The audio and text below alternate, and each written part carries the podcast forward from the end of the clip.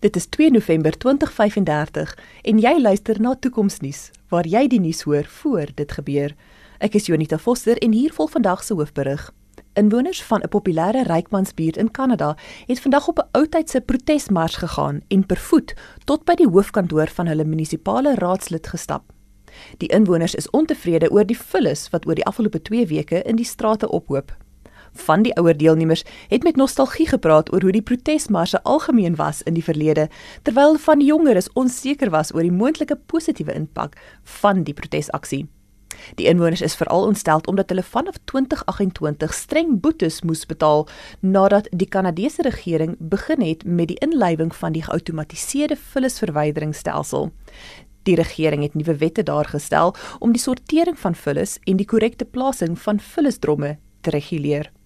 'n woordvoerder vir die munisipaliteit het gesê dat vullisverwyderingsdienste tot 'n skielike halt geroep is nadat die munisipaliteit se stelsel deur kuberkrakers aangeval is en alle geautomatiseerde vullingsverwydering voertuie sodoende gediskonnekteer is. Pieter Geldenhuys is saam met my in die ateljee om te verduidelik presies wat gebeur het. Hallo Pieter. Hallo Junita. Pieter, wat is die verskil tussen 'n moderne stad en 'n slim stad in terme van tegnologie en die gedrag van inwoners? Unita vir die laaste 10 jaar hier van 2020 af sien ons dat stede dwars oor die wêreld alles begin outomatiseer, alles begin meet. En dit het alles gekom met die revolusie van die internet van dinge waar alles 'n internetadres kry. Ja, selfs vullisdrom het ook 'n internetadres gekry. En in die begin is alles gemeet. Alles word gemeet in die begin en mettertyd het mense agtergekom, veral die stadsbeplanners, dat as jy 'n beheerelement kan inbring, jy 'n baie beter en meer effektiewe stad daar kan skep.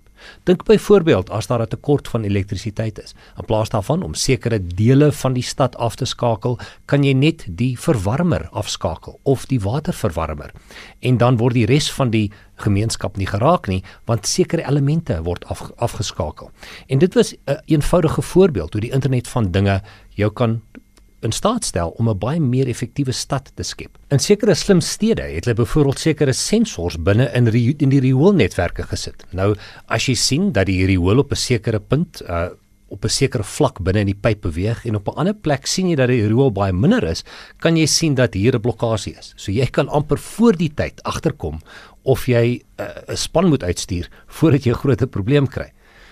In die laaste paar jaar het daar geweldige baie sensors binne in stede uitgerol. Daar is selfs sensors binne in die hoëpype uitgerol. En dit is baie maklik om te besef hoekom, want jy kan nou voor die tyd agterkom wanneer 'n sekere blokkade plaasvind binne die rioolpype, soos wat die volume in een deel van die pyp laer of hoër is as 'n ander deel van die pyp. Ons sien ook dat sensors reg deur die stad uitgerol is rakende energieverbruik. Jy kan agterkom in watter areas energie of elektrisiteit gesteel word deur te kyk wat is die gebruik van elektrisiteit by een substasie en dan dit in, in lyn te bring met die gebruik van elektrisiteit by die punt waar dit gebruik word. So slim stede het nie net die vermoë vir jou gegee om intyds metings te neem nie, maar ook die dinamies te kan bestuur. En Pieter, hoe spesifiek werk hierdie slim vullisverwyderingsstelsel? Dis 'n geïntegreerde stelsel waar daar sensors in elkeen van die vullisverwyderingsdromme is. Nou, tradisioneel het jy op die streep afgegaan en een drom na die ander drom skoongemaak. Ons het gesien in Kanada en 'n hele paar ander lande vereis hulle dat jy verskillende vullis in sorteer. Die vullis van glas, van plastiek, van papier kan jy dan kan jy dan skei en dan is daar verskillende trokke wat dan hierdie verskillende tipe vullis sou optel. Die probleem is dat as jy sê ek beweeg van punt A na punt Z en dit is die roete wat jy dan sal volg, dan moet jy baie keer vullis verwyder wat net halfpad vol is. En wat nou gebeur het is dat jy sensors het binne in die vullisdromme wat dan bepaal hoe vol hierdie spesifieke vullisdrom is of nie. Dinamies word hierdie vragmotors wat die vullis optel dan uh, geallokeer na die verskillende dromme toe en die optimale roete word outomaties uitgewerk.